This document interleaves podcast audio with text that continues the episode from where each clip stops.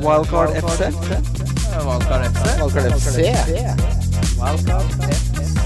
Wildcard Hei, hei, og hjertelig velkommen til Wildcard FC, presentert av Nordic Bet. Mitt navn er Christian Wessel, og jeg sitter her med mannen som etter å ha kjøpt seg flunka ny sykkel, sykla 100 meter, snudde som faen på flatmark tilbake til sykkelbutikken og krevde å få returnert den. Så slitsomt skal det ikke være å komme seg rundt, sa han og smalt hjelmen i disken. Kim Itli Hei, hei. Har du kjøpt deg ny sykkel nå? Var for tungt? ja, Du syns det er for tungt å sykle? Det det er jo deg. Ja, nei, det, det, det skal, nå skal dere høre en uh, kjapp eh, Jeg har jo en ny sykkel, det er helt riktig. Det er ikke å flashe penger ned til han som nevnte det når du spurte om det med laptop. Folk kjøper sykler i Nord-Europa, det er helt normalt. Uansett. Uh, den har stort sett stått oppe i leiligheten, for jeg er så redd for at den skal bli stjålet. Uh, og det er femte etasje uten her, så den står der og stirrer meg i hvitøyet. Nå må jeg snart få brukt den sykkelen. I dag så hadde jeg egentlig min første feriedag, men jeg hadde jo Du vet du må gjøre ting ferdig og sånn, så tenker jeg nå må jeg få den jævla sykkelen ut på, på asfalten. Det er da på Tøyen, og så skal vi spille inn på Torshov. Kommer jeg til de som er lommekjent, sånn cirka der hvor Tøyen blir til Carl Berner, da kjenner jeg Dette går ikke. Dette går ikke. Der er 20-bussen stoppet. Kjøp meg en billett. Og så tok jeg 20-bussen til Torshov med sykkelen på. Og så spurte jeg Sigurd her Det må være noe feil med den sykkelen. Det skal jo ikke være så tungt. Men det er, det er rett og slett bare at jeg er ekstremt ute av form. Klarer ikke å sykle en sykkel. Er det ikke eh, elsykkel også? Nei, det er ikke elsykkel. Det er faensykkel, Den ja. den er lett som en plett. Det er jo fin sykkel, men jeg kan ikke holde på sånn. Jeg må gjøre et eller annet. Må få satt på en motor på den greia der. Ja, nå skal du Du er vel eh, brennaktuell med ferie nå? Ja, det, det er jeg, og så er jeg så vant til disse sparkesyklene. Det er jo en drøm. Må ikke gjøre en dritt. Bare fyre av gårde og høre på Bob Nei, men det har sin siste live igjen, det elsparkesykkelopplegget. Fordi der eh, kjører du vel til butikken og betaler sånn 40 øre gangen og sånn? Ja, ja, ja, ja. Men eh, nå må vi introdusere eh, gjestene her eh, med oss i dag. Har vi vår favoritt. Mannen som lærte Kim at form ikke eksisterer. Sigge Jorum, ak- aka FBL Sigurd. Hei. Velkommen. hei. Det er det mange som har gleda seg til. Jeg gleder meg også. Jeg ble sånn oppriktig glad da Ja. Sigurd kom inn døra i stad. Ja, det er kjempekoselig. Ehm, nei, det, Kjøpe seg en sykkel til 30 000-40 000, det sitter for langt inne for meg. Altså. Det, det kan jeg ikke. Da, da får jeg heller kjøre disse kjøresparkesyklene til 12 kroner gangen. Ja, og jeg har jo, dette har vi snakka om før. Jeg mener det ikke fins en sykkel i verden som er verdt mer enn 2500 kroner. At det er fysisk umulig. Men du liksom lager den av gull, da. Ja, det er jo det jeg har erfart nå. For den, Jeg skal ikke si hvor mye den kosta. Den kosta mer enn 2500, og det føler den kunne like gjerne hatt etter 2500, for dette er jo bare et hån. Ja, men det merker du jo ikke Altså når du, når du betaler mer for en sykkel, så er det ikke det at du merker det med en gang, liksom. At 'å, dette er helt topp'. Altså Ja, Du kan jo merke litt, ja. men det er jo at delene holder eh, bedre Og det sånn. kommer jo ikke jeg til å nyte godt av, for den har ikke lang levetid hos meg, den sykkelen. Jeg kan bare si. Jeg har kommet til å bruke den fem ganger på tre år. Sånn sett så kunne jeg jo bare hatt en uh, bysykkel som jeg hadde knabba. Eh, episoden i dag så skal vi selvfølgelig ta for oss øvre halvdel av tabellen, men uh, vi stykker det opp litt annerledes. Vi starter med Everton, Leeds, Arsenal, Spurs og Westham, og så har vi fått Heldige som vi er, et helt drøss med lyttespørsmål, så vi tar en liten intermesso der og svarer på litt eh, lyttespørsmål før vi eh, tar for oss da eh, topp eh, topplagene Leicester, Chelsea, Liverpool, Manchester United og Manchester City. Og så tar vi flere lyttespørsmål etter det igjen.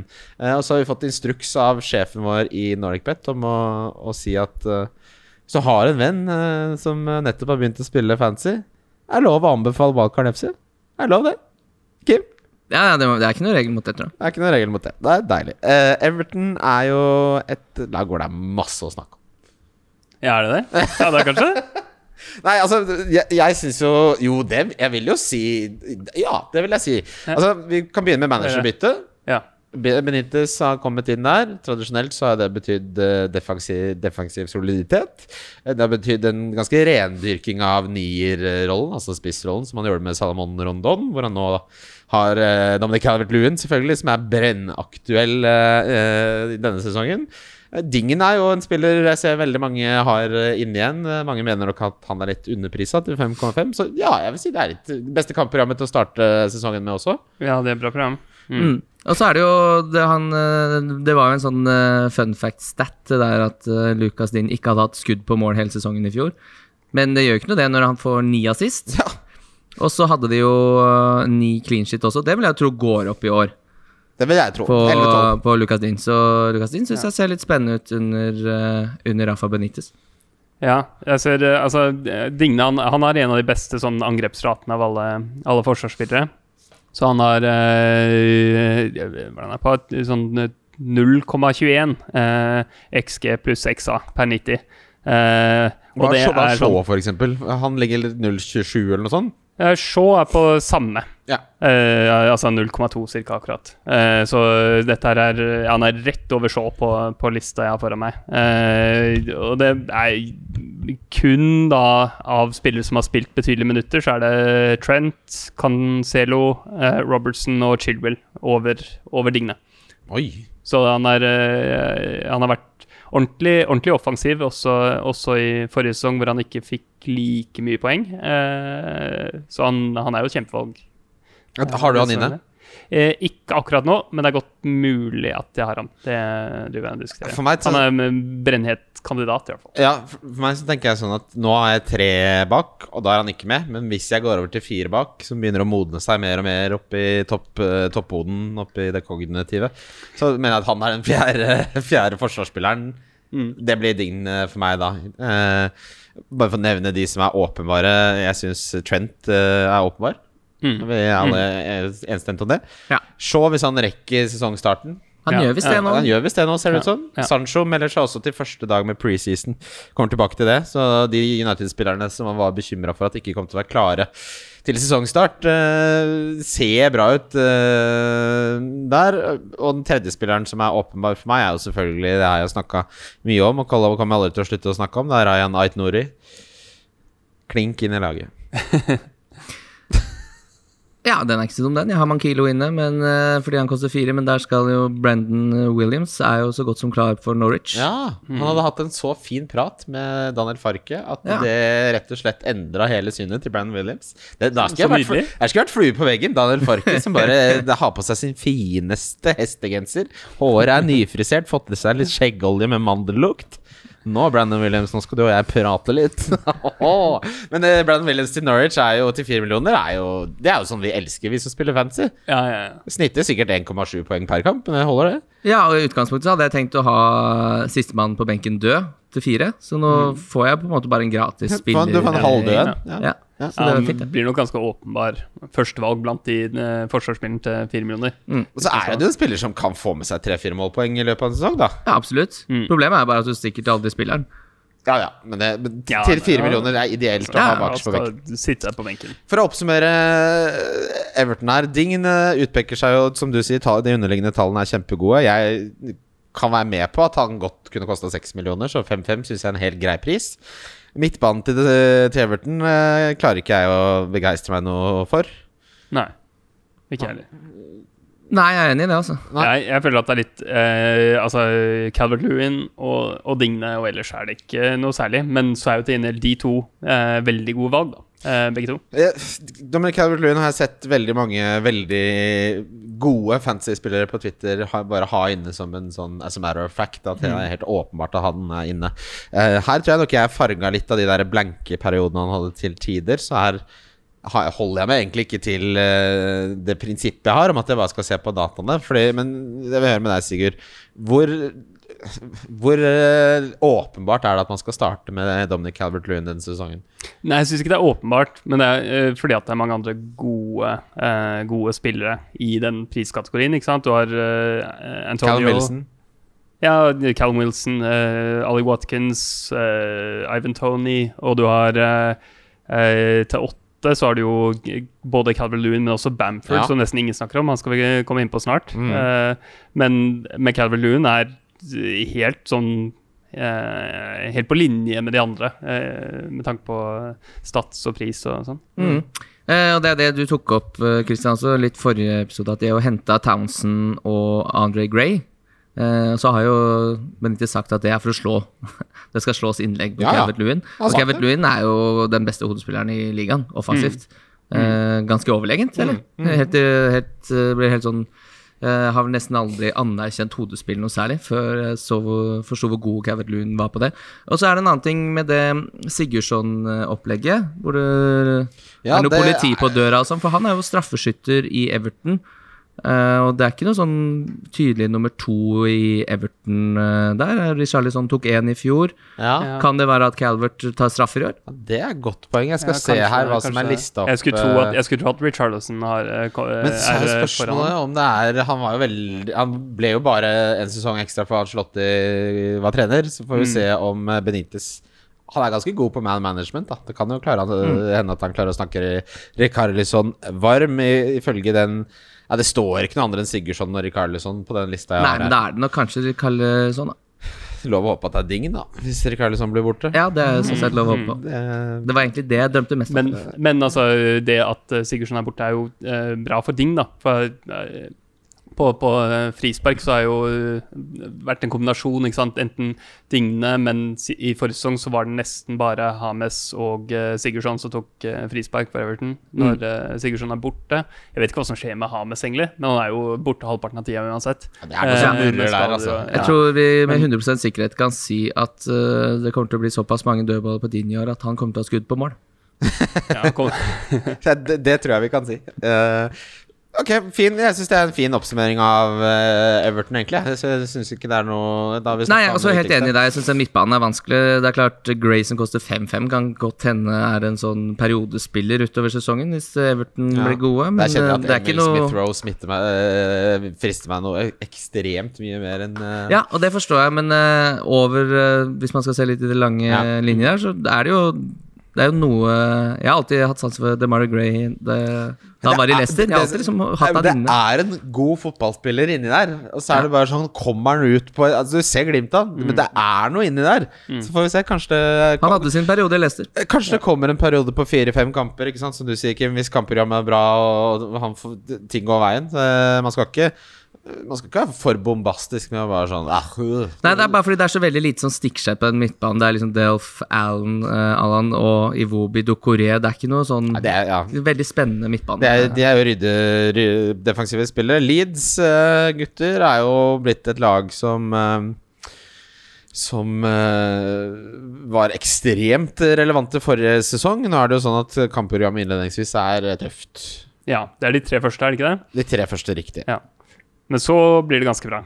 Nei, de fire første er vanskelig. Er det det? Er Ja, det- Burnley, det er- Burnley vel, er Ja, kanskje Burnley er nettopp, ja, Burnley er inni Tre der. av de fire første er vanskelig. Men etter det så er det, så er det myrra og røkelse, altså. Mm. Men altså, jeg ser det på det offisielle spillet, så har de markert Everton hjemme som rød. Jeg vet ikke hvor rødt det egentlig er. Altså, Nei, det vet jeg- det tror jeg ingen Det er mer sånn eh, ja, Ja. Midt, midt på treet er vanskelig, da. Men, Eh, men, men at men det er at Everton hjemme er like rød som Liverpool hjemme, er jo, der er det litt det det er klart, der er det en nyanse som ikke blir fanget opp av dette fargekartet. Ja, er noe gærent med fargene. Men altså, det at de møter um, eh, Manchester United i første runde og Liverpool i fjerde, det er vanskelige kamper, selvfølgelig. Ja. Men ellers så er det veldig bra, helt fram til runde ti. Eh, Så må det jo sies da med, med Luke Ailing, som eh, var en spiller som mange sto midt imellom han og Dallas. Uh, eh, og var liksom 50-50 hvem de skulle velge. Jeg valgte Dallas litt eh, Litt heldig der, egentlig. Det var liksom ikke noe veldig god begrunnelse for det. Men eh, at Luke Ayling fikk null mål og null assist med de underliggende tallene der, det er en statistisk uh, styggdom.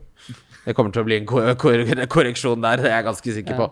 Ja, altså, han eh, Sånn som jeg tenker på det, så han, han skulle jo ha fått mer. Hva var det han hadde? Nå skal jeg gå inn og se på Ailing, hva han fikk i XG og XA. 100 poeng blank, 12 fikk- clean sheets, 0 mål, sånn- null assist. A- Akkumulert så fikk han 2,6 XA og 1,4 eh, expected goal. Eh, så det er jo eh, I hvert fall et par goller og en assist, da. Ja, ja, det skulle, det skulle, vært, noe, det skulle vært noe poeng der, da. Eh, men han har, han har Han hadde eh, sånn ganske medioker eh, angrepsrate sånn sett over sesongen totalt. Men han er absolutt en av de bedre sånn 4,5 forsvarerne for det. Ja. Han koster jo ikke mer. Han er jeg inne for, for min del, så bare benker jeg han i vanskelige kampene i starten. Mm. Eh, jeg tror også når Jorente har fått en full sesong eh, i Premier League han kommer, Jeg tror Forsvaret kommer til å være enda et hakk bedre denne sesongen. Er det noen som har forstått hvorfor Firpo koster mer enn resten av forsvarsspillerne på Leeds? Fordi han var ekstremt offensiv i Real Betis. Sånn ut, Han fikk allerede en assist i eh, jeg tror det var forrige treningskamp. eh, la inn til Bamford. Så så hvor langt opp på banen kom han. eh, Så han står høyere enn Ailing. Ja, ja, ja, ja. Og Ailing har jo av og til, når de har spilt sånn trebekslinje bakerst, så har jo Ailing spilt Venstre, høyre, midt. Ja, høyre. høyre midtforsvarer. Ja, i treerne. Mm. altså, sin da, Før han gikk til Barcelona, så hadde han en sånn Altså, han er utrolig god offensiv. uh, men det er klart, det er jo en Det er veldig risiko å betale 0, altså en halv million mer når du har Ailing som, som er proven. Men uh, Firpo skrev, skrev jeg om i Diffe-artikkelen, så han er noen å følge med på. Uh, Rafinha var jo også en sånn spiller som da prisene ble lansert, så var jo konsensus at 6,5 for Rafinha Hva i alle dager er det de holder på med der borte? Uh, jeg har han ikke inne nå, altså. Har du ikke det? Men jeg tenker jo Jeg har Sarr inne, da, fordi han vil jeg starte, og jeg vil spille 3-5-2 i starten. Men eh, jeg tenker at jeg skal ha Rafinha inn etter Gamic 4. Altså til Gamic 5. Ja, nettopp. ja Og så Eh. kjøper han etter hvert. Jeg har Ramin, og han er helt nailed i laget mitt. Har, Rafinha? eh, Ja, ja, altså, no, av og til når jeg sitter og uh, fikser holdt på med laget, så har jeg fjerna ham, men så er han bare tilbake med en gang. For jeg kan ikke, jeg kan ikke skjønne at det er noen bedre måte å, å bruke en posisjon og 6,5 millioner på. Underprisa med million, vil vi si, eller? Ja. Han har helt, eh, helt topp tall. Eh, Hvor ligger sånn Hvis du legger sammen expected uh, Altså goal involvement, da. eh, Har du den framme, Sigurd? Ja, skal vi se Han har altså eh, samme tall som jeg brukte i stad. Eh, expected goals pluss expected assist per 90. Så har han eh, eh, 0,54. Eh, Skårer mer enn annenhver kamp. og dette er, dette er uten straffer, og det er da uh, altså like, like mye som Bruno Fernandes. Uh, og, og like mye som Like mye som Son, eller mer enn mer enn Son. Eh, og mer enn Mares. Så det er, det er helt Altså det er helt topptall. tall. Uh, han han, ble, han, var litt, han var litt underbetalt i, i forrige sesong, uh, særlig for uh, assistforsøkene. Men ja. Men jeg, jeg så en som eh, det var, Jeg husker ikke hvem som hadde lyttespørsmålet, dessverre. Men du som stilte det, du får din lønn i himmelen. Hvorfor ikke Harrison til en halv million mindre, med ca. lik output? Og da eh, tenker vel du og jeg at ja, poengoutputen var jo på en måte bedre. Mm. Men eh, at eh, de underliggende tallene til Rafinha var bedre, hvis du skjønner hva jeg mener? Ja, ja, ja, ja, det er nettopp det. Altså, Harrison er jo bra også, det er, Ja. ikke, ikke noe gærent med han. Men uh, det er, jeg syns ikke det skal være istedenfor uh, Rafinha, for det er en veldig god måte å bruke 0,5 på. Ja, enig. Uh, Bamford er jo, som du var inne på, Sigurd, eh, en spiller jeg ikke har blitt sett nevnt så mye. Han er jo eid av 17,7% så liksom de, de som spiller, velger han jo litt. Men jeg har ikke hatt han inne en eneste gang på noe utkast. Uh, uten at jeg helt vet Klarer å rettferdiggjøre helt hvorfor. Men det er så utrolig mye spennende blant de spissene til 6,5 til 7,5 at liksom Å gå opp til Bamford på 8 sitter liksom litt langt inne for meg, da. Eh, dine forventninger eh, til, til Bamford, og det er jo dette med kampprogrammet som selvfølgelig han lider under også, eh, for Leeds.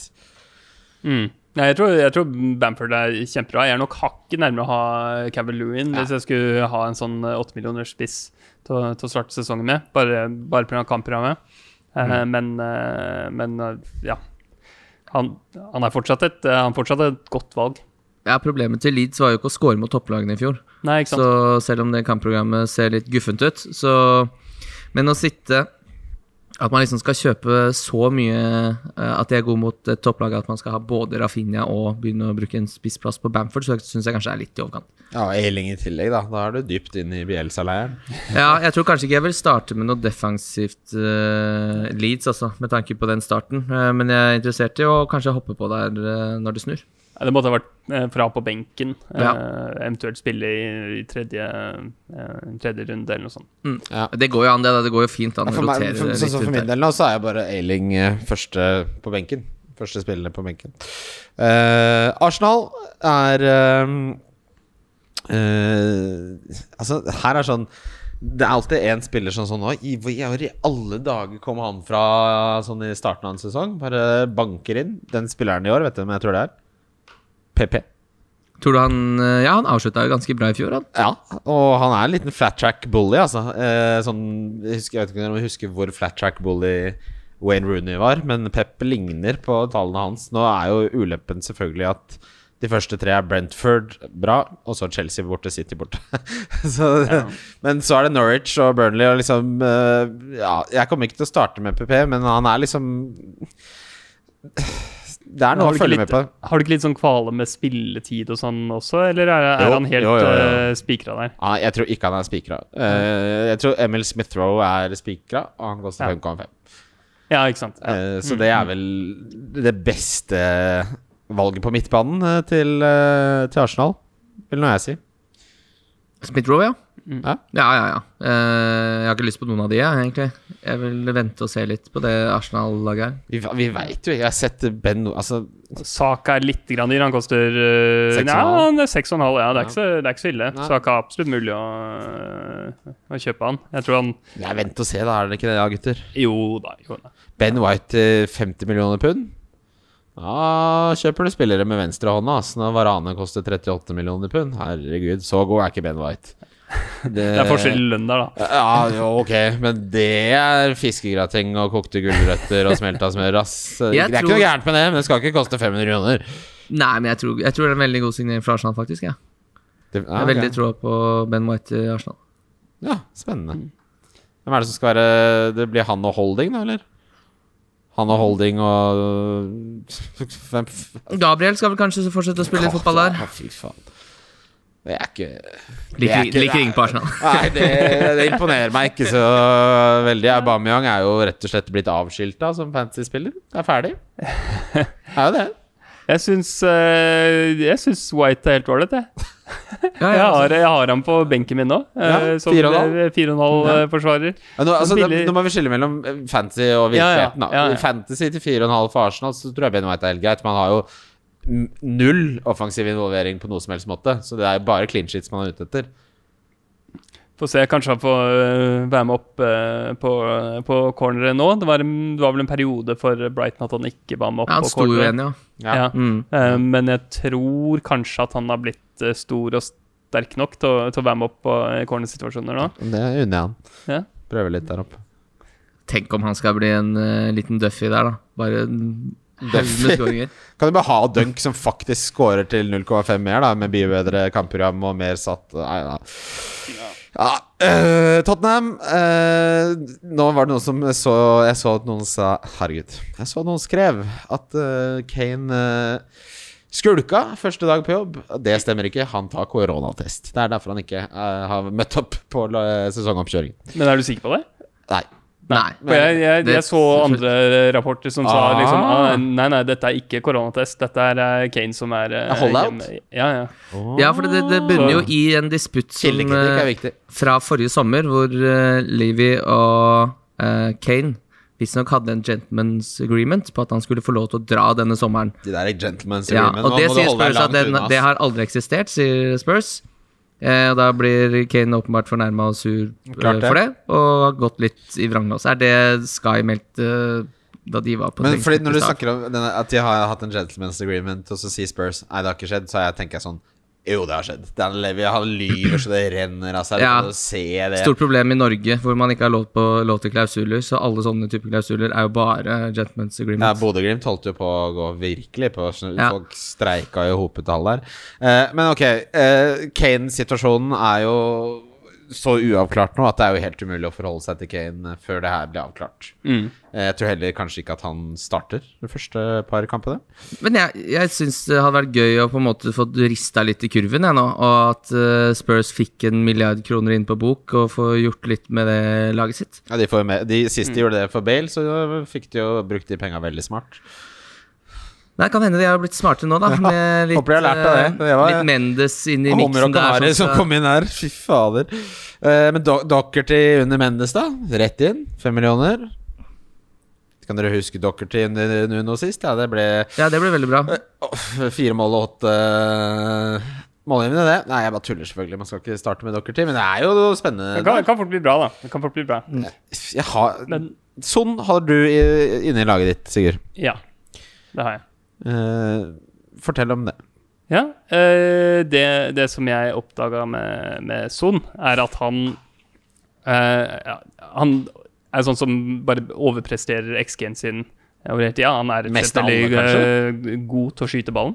Uh, ja, han, han og Mares er uh, kanskje de to som er, overpresterer, som vi kan anta best avslutningsferdigheter i, i ligaen. Mm. Eh, Så eh, jeg bare så på eh, hvor mye mål og assist han har, sånn, og det er bare så ekstremt konsistent. De, eh, de, eh, de siste fem sesongene så har han eh, 14, 12, 12, 11, 17. Ja, det er helt sjukt. Ja, ja det, men altså, det som skjedde, det som skjedde eh, forrige sesong, det var jo ikke at han plutselig ble mer involvert i angrep. Det var jo bare at han fikk spille mer. Ja. Sånn at dette er på en måte Det er de tallene du kan egentlig Du kan Eh, du skalere kan- målpoengene etter poengene, da, eh, etter minuttene. Ja. Ja. ja. Eh, han spilte 3119 minutter nå sist sesong, og tidligere så har han stort sett spilt mellom 2000 og 2500, ikke sant? Ja, Ja. det er riktig. Uh, Så han, han, han har nok Kanskje han overpresterte litt, grann, liksom, forrige sesong, men det er, det er helt i takt med hva han, hva han har gitt tidligere. Hvordan det I tidligere sesonger hadde litt bedre underliggende sånn XG-rater, og, og forrige sesong fikk spille mer og fortsatte, og kanskje også skjøt enda bedre enn det han har gjort. Så kommer man jo spille spiss mest sannsynlig med Kane ute av bildet. Eh, første par kampene. Eh, jeg vet ikke om det er en fordel eller en ulempe, egentlig, for sånn. Det er jo klart, å miste Kane vil jo mest sannsynlig være et minus. Ja, det er, det er, det er vanskelig å si, da. Ja, det er veldig vanskelig å si. ikke. Men, Jeg, jeg, jeg bare gjetter det. Det blir liksom Altså det blir nedgradering på hvem man kan sende pasninger til, og hvem man får pasninger fra, antageligvis. Eh, men, Men, Kane, men, de kommer til å kjøpe en spiss da hvis Kane Det blir ikke 1 milliard, det blir 1,1,5 milliard. Kan ikke Troy Parrott snart få lov å prøve seg? Prøv unge Troy Parrott der. Slutt å banke folk i Dublins bakhatter og komme seg på fotballbanen. Men det at Son antakeligvis får straffer i, i Kanes fravær, det er jo Mm. uh, Ja, det er. 6-7 straffer i sesongen, det. Ja, da kan, ja. det, det er ikke Litt frispark også. Ken uh, er jo også glad i å skyte litt frispark, og Mm. der er jo Son. Ja, sant. Mm. Så, Sånn, altså. så Det få, er jeg, ikke altså, noe- jeg står for deg. Få Kane ut av det der Spurs-laget her. Jeg får Kane ut, ja. Ja, fordi jeg syns det Spurs-laget jeg synes jeg er litt sånn kjedelig i fancy-med uh, per dags dato. Så hvis man bare får uh, rocka litt om på båten der så er det klart, dette er jo breakout-sesongen til Tangi Ndombele. Nå kommer det. Ja, det kan godt være det. Han er så god. Mm, veldig, veldig god. Eh, Seks millioner, det er noe å følge med på. Jeg tuller ikke, altså. Ja. Han er sjukt god. Westham er siste laget vi tar nå før vi skal gjennom masse lyttespørsmål. Her også. Masse interessant uh, å snakke om. De har kjøpt uh, Eller de har lånt med opsjon på å kjøpe Alfons Areola. Uh, som jeg tror egentlig kan være bra for Westham-forsvarsspillerne. Jeg tror han er en bedre keeper enn det Flappy Hanski har vært det siste Det er fint. Er. Sitter der. Satt, skrev den i manus i sted. Ti minutter, bruk, ti minutter brukte jeg på den, Kim. Uh, men Cresswell hadde jo en, eh, en kreativ sesong for uh, historiebøkene. Elleve målgivende siste sesong. Veldig, veldig god verdi. Uh, sammen med Kofal, som også hadde et relativt godt EM. Eh, det er også ganske tydelig at dette Westham-laget har eh, Altså, Det virker som de liker hverandre godt, har godt samhold og vet hva, hva de skal gjøre. Eh, David Moyes har jo selvfølgelig blir der fortsatt, så det er ikke store omveltninger eh, i, i dette laget. Så her må det jo Kampprogrammet er også fint. Her tenker jeg at her finner vi mye verdi. Vi kan jo begynne med Antonio, som har vært en spiller som har vært inne på, på min, i min tropp siden jeg starta. ja.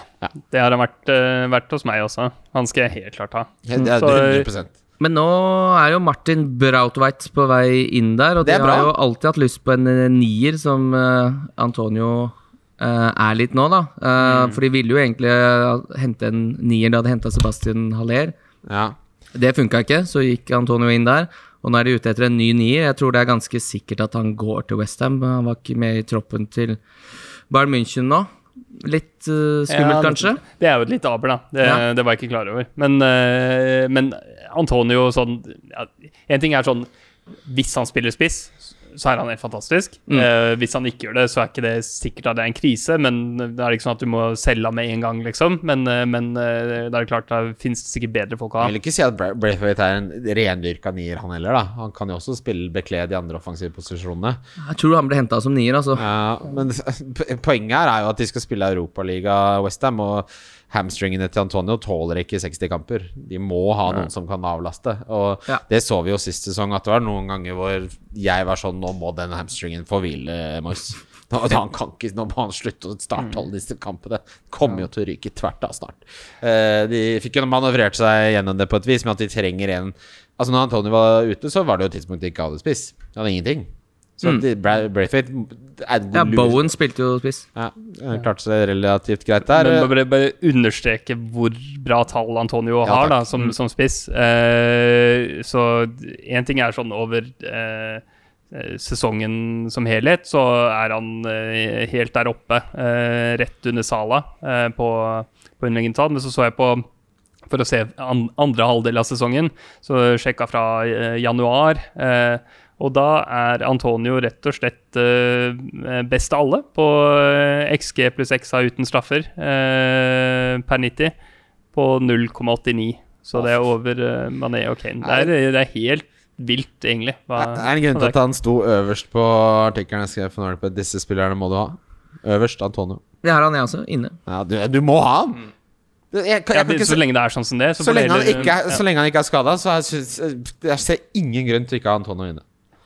Nei, jeg er helt enig. Uh, på, Jeg har Kofal inne også, jeg. ja, hva, siden jeg er er, inne på Westham. Hva tenker du om Kofal og Cresswell? Kofal er jo Altså Fem millioner, så kreativ.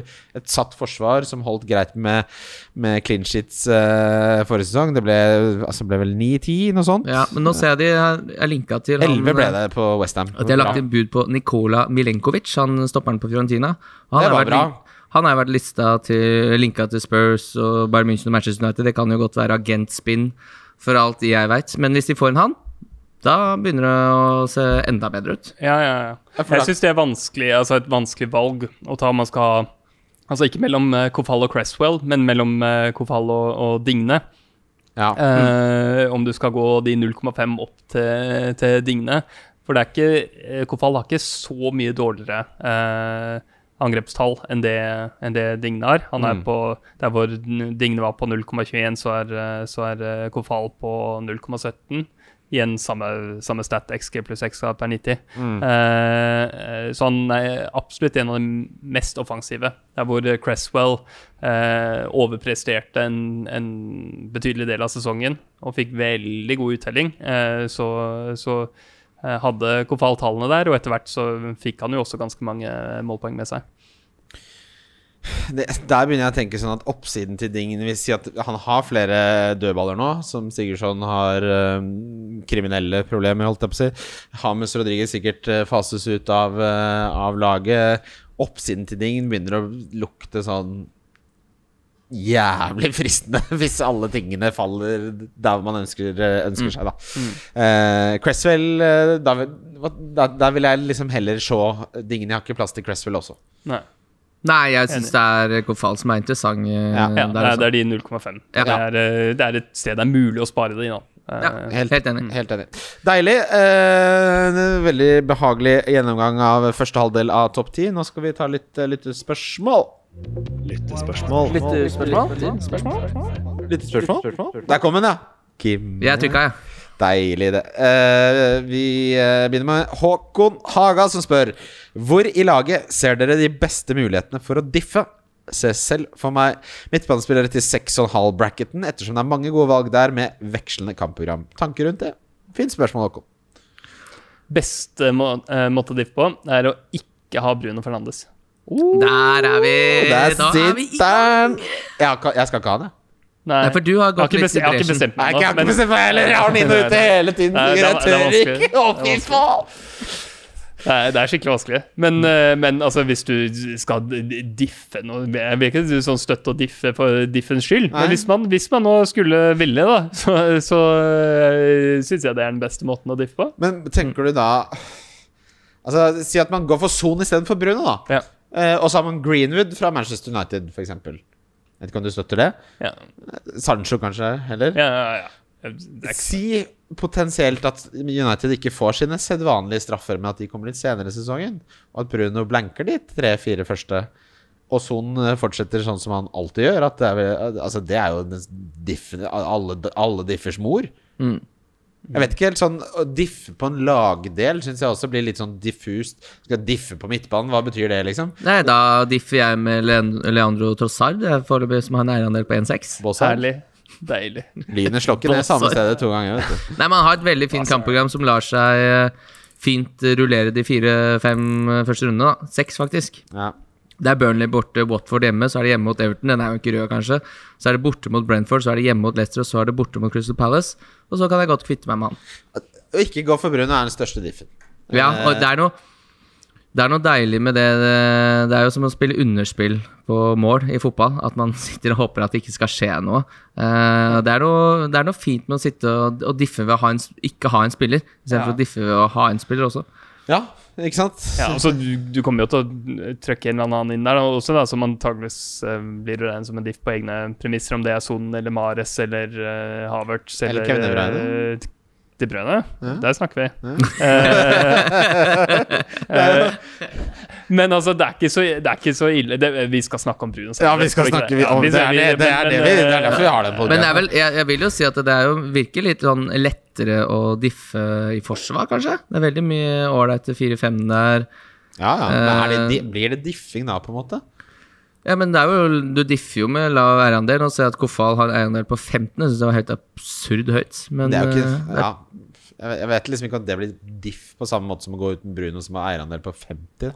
Jo, nei, men hvis man skulle følge spørsmålet og finne ei, Ja, okay. lagdel, Ja. så er det kanskje lettere Det at man havner tryggeste er i forsvar. Ja. Eller, eller på keeperplass, da ha Dean Henderson.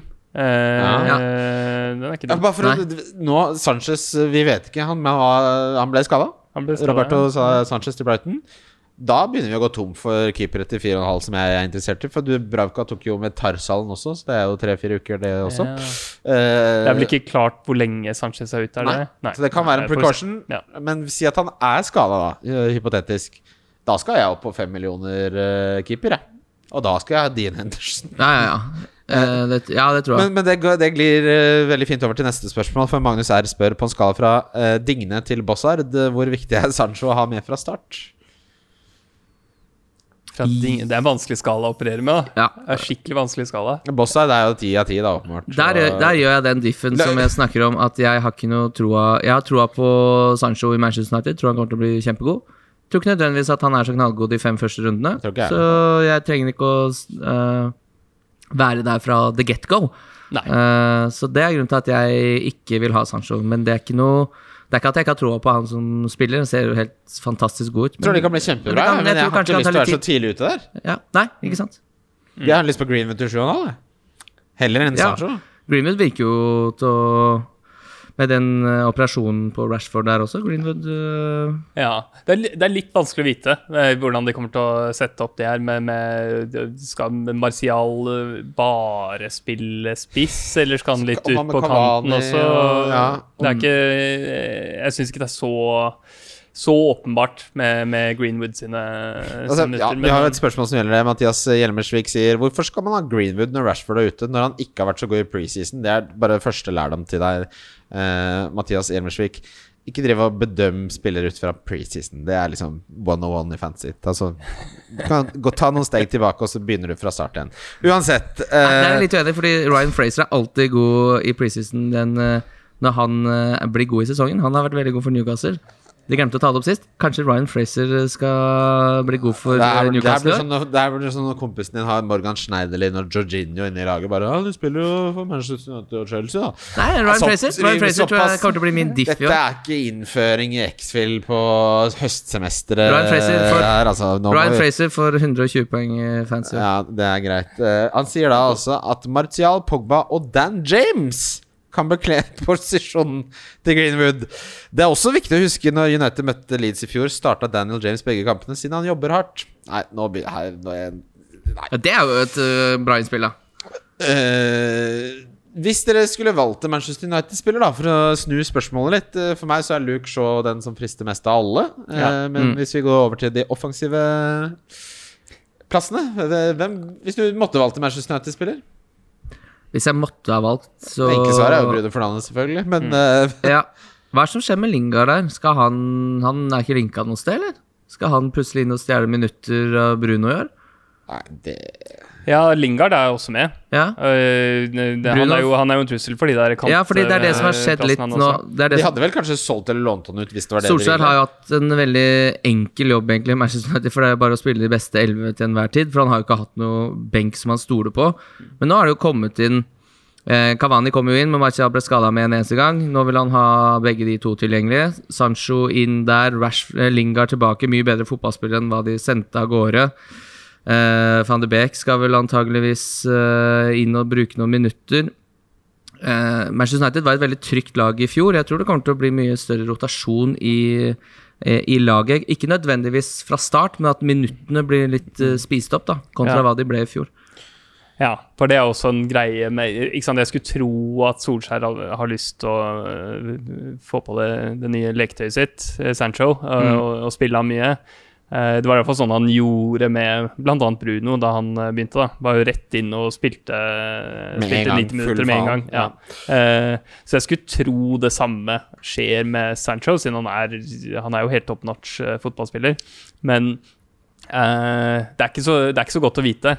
Og det er ikke, noe, det er ikke kjempegøy å sitte og, og gjette eller satse på det før, eh, før eh, sesongen. Så jeg tror da, altså. også at, at Fernandes er liksom eh, Er den man, Han er den eneste trygge. Ja. Ja. Fordi jeg tenker jo Og så hører man det der om at de skal spille 4-3-3 nå, Manchester United.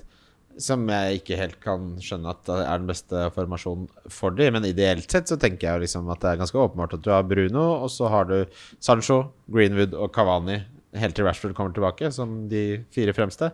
Så har du Pogba og Matic eller McDominay på toeren bak der. Men nå skal de tydeligvis legge om til 4-3-3, da. Mm. Ja. Tror du ikke de kanskje skal bruke Kavani mest som spiss, og så skal Martial bare være der, og så når de skal hente ny spiss neste, han, ja. neste Cavani sommer var jo dobbelt så god som Martial i fjor. Ja, og neste sommer når de faktisk skal hente den nye hovedspissen sin, så selger de Altså Kavani forsvinner antageligvis Ja, ut, og Martial, så selger de Martial, og så bruker de de penga på å delvis investere i Haaland, eller hva den som kommer der, da. Jeg må bare si at jeg, jeg syns ikke, ikke det er det verste å, å ta en sjanse på Jaden Sancho uh, i, i United, men det er bare at man var klar over at det er liksom Men At det er en, det er en risiko. Du vet ikke Opportunity-kosten er så høy, Sigurd. Fordi Det til 9,5 så kan du velge så mye annet som er tryggere. Så det er ikke bare det at det kan gå med Sancho, men du, alternativet er noe som er mye sikrere, da. Ikke sant? Ja, ja. Så ikke bare skal han levere litt, han må levere liksom veldig bra fra starten for at det ikke skal være en, en failure. For da forbigår det jo Mares, da, eller sånn Mm. nærmest, ikke sant? Ja, det er fin Jeg hadde funnet en halv million for sånn, jeg. ja, jeg hadde nesten, gjort det ø, bare, men i trygghetens navn, da. altså. Ja, Fordi vi vet alle hvor god Sancho var i, i tysk fotball. Uh, men så er det mange som har slitt med å komme fra tysk bondesliga Bundesliga og ta med seg noe i nærheten av de Rikke tallene. Wolfswinkel. Sier du? Rikke- Husker du ikke Rikke van Wolfswinkel? Jo, var det der kom han fra Bundesliga? Om han kom fra Bundesliga? Rett i Norwich der. Var, fikk jo ikke hør på den bilen. Nei, jeg husker han øh, presterte lite, men dette er jo litt annen type spiller. Jeg bare liker å si navnet Rikke van Wolfswinkel. Jeg vet ikke om han kom fra Bundesliga, kanskje. Men, øh, men sånn syns jeg liksom virker tryggere den lille 0-5, for sånn skal spille alt, han. Sånn kommer til å spille alt, ja. Ja. Så det er bare det, er bare det jeg, jeg eh, det er Å sitte liksom og være litt sånn usikker på Game Week 1-laget er ikke jeg noe tilhenger av. Nei, og du skal i hvert fall ikke Hvis du skal ha en sånn en spiller som det er en del usikkerhet rundt, så skal du i hvert fall ikke laste opp med flere sånne, og så plutselig sitte Det er der oppskrift på wildcard i Gaming 2 3. Ja, Men jeg, men jeg, litt, jeg kunne godt tenke meg å liksom øh, prøve meg på Kavani. Hvis jeg skulle liksom øh, øh, tatt en sjanse. Han, han får minuttene sine så utrolig managed, da. Kanskje ikke innledningsvis, men det er liksom sånn Når du har som vi har Antonio, som vi har snakket om, ikke sant? Dominic Calvert-Lewin, vi har Watkins, Tony, eh, Bamford Mm. Ta en sjanse på Kavani. Det er litt for, det er litt for sette husleia på blackjacken for meg, ass. Ja, det kan være. det. Jeg bare syns Altså, han er- virker eh, med den eh, stalldynamikken Ja. og det som foregår i den uh, troppen der. Det er klart Han var jo, spilte jo lenge i Kåpan, men uh, han, han ble skal- jo veldig med I forrige sesong så var Kavani litt sånn at han spilte annenhver kamp til tider. ja. Altså, han er 34 år Ja. og 169 dager gammel, så ja. ja, for det er noe med det også. Det, Er det noe med da? eh, det er noe med da at det er litt sånn spennende. Fordi han skal jo miste beina på et tidspunkt. Og det, Ja. kan, det skjer så fort da Plutselig i den alderen. Ja, så det kan godt hende han liksom plutselig er han ferdig nå. Selv om det virker som spillere fra Uruguay holder seg fryktelig godt uh, ut på Vet fotballbanen der. Vet du hvorfor de gjør det? Nei. Mateteen? Altså, De har helt sjukt god biff, og så har de stepper så langt øyet kan se. Så det eneste du gjør, er å spise biff og gå tur på de steppene. Det er bra for beina, da. Er det ESPN Nei, det, er, det er jo bra for beina. Det Er klart Er det bra for en okse, så er det jo bra for Kavani. Det er jo oksene. Får i seg noe pampa steppebiff oppi der, og så gås det tre kilometer inn i steppen. Eller? Er det lov å dyrke cannabis hjemme? Kanskje det Er kan det det være òg? Ja, Ja, det er sikkert bra. Ja, de- Det kan jo ikke være noe dårlig deal, nei. Sikkert bra for kroppen, det. Ja, men det er vel Bedre enn smertestillende, det, det er vel fort siste sesongen til Kavani, men det sa man jo om eh, Zlatan også i ti år. Ja. Uh, ja, ja, nettopp noe av det, det samme sa det om Tom Brady. Han er snart 45 år. Fortsatt verdens beste quarterback. FBL Dan stiller uh, dette spørsmålet. Vil podkastens evigvarende Solskjær-hat endelig ta slutt i år? Mannen er åpenbart elitemanager på nivå med Pep og Klopp, som i tillegg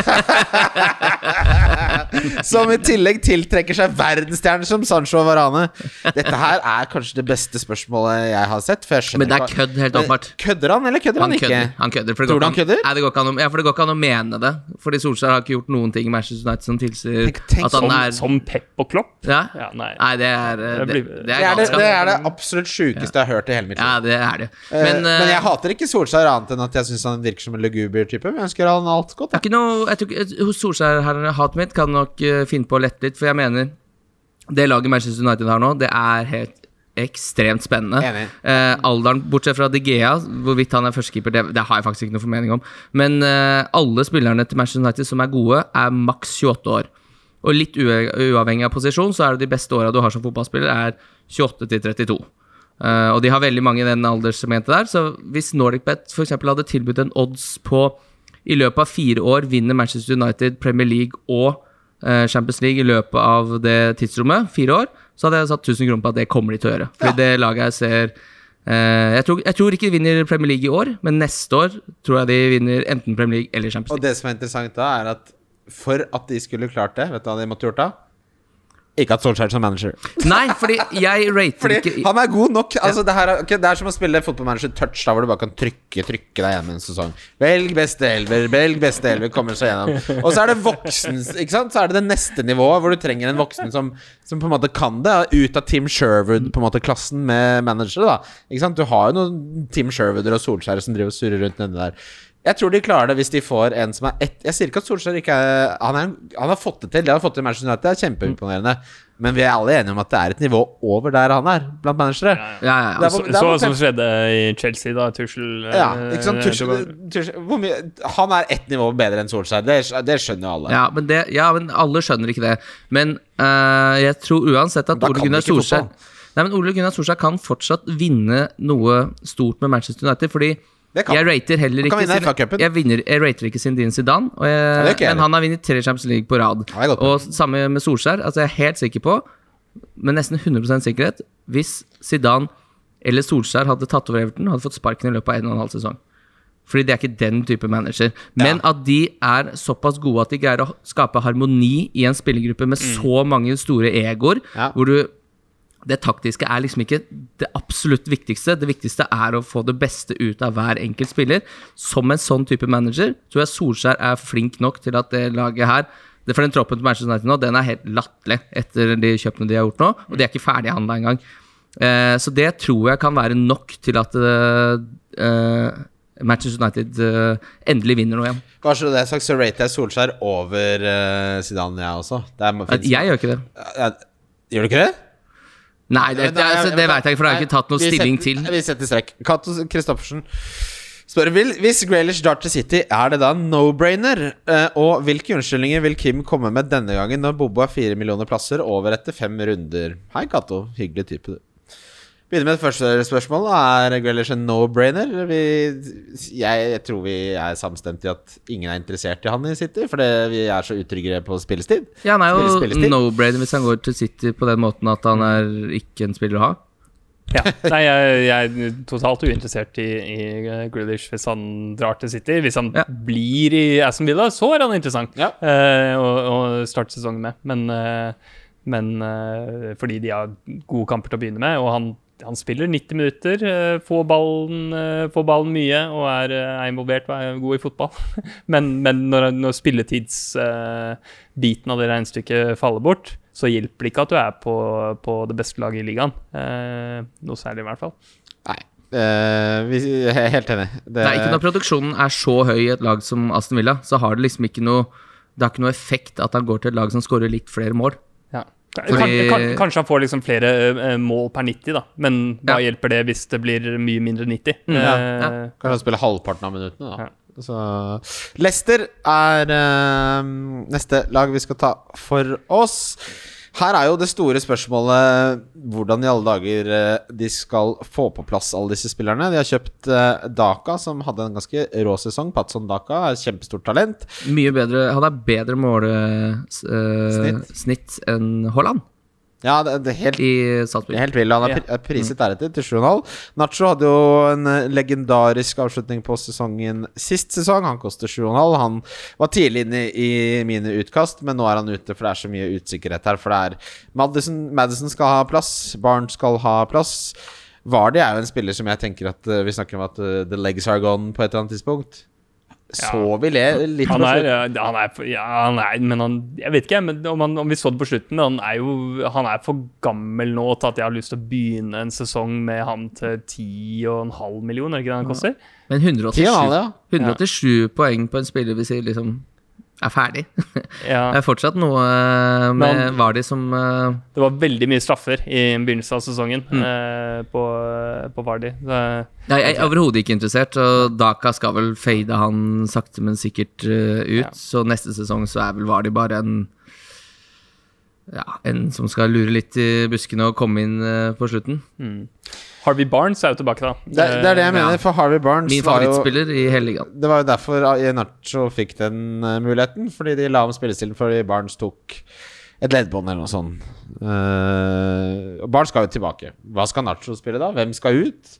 Jeg syns det blir for mye usikkerhet, er det jeg prøver frem til. Det er jeg helt enig i, og det eh, blir nok også garantert rotasjon. For det er ikke sånn at eh, Daka, Yenacho eller Barnes skal sitte der på benken eh, kamp inn og kamp ut. Nei, De, de, kommer å, de kommer jo til å bytte innpå og bytte av, og forskjellige folk kommer til å starte. Det tror jeg. Vi må jo bare se Jeg tror det er mer sånn vi skal se hvordan det, eh, hvordan det utvikler seg. Hvem, Ja. som, hvem som er i startelveren. Vi ikke starte med noen av de. Jeg så også veldig eh, Fofana var jo også ekstremt populær innledningsvis.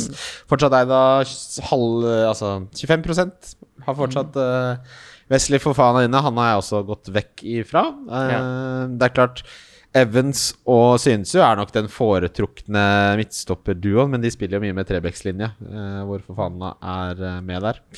Mm. Eh, det er for mange andre bedre alternativer. Jeg er veldig godt vekk Ja, fra det der. Mer generelt så vil jeg bare hylle det Leicester har holdt på med de siste åra på overgangsfronten. Eh, de henta jo han uh, Soumaré eh, fra Lill. Ja, og billig. også Ja, veldig billig. Var det, det var 20 for han, og så var det 30 for Daka, eller var det motsatt? Jeg husker ikke. Nei, jeg tror Ja, det var 30 for Daka. Ja, det høres riktig ut, det. Ja. Eh, og egentlig bare det de har holdt på med. Fått inn Bertrand der også, som er et, et bra tilskudd til en uh, cover også, ja. o, Egentlig ganske ung spillergruppe med veldig, veldig mye talent.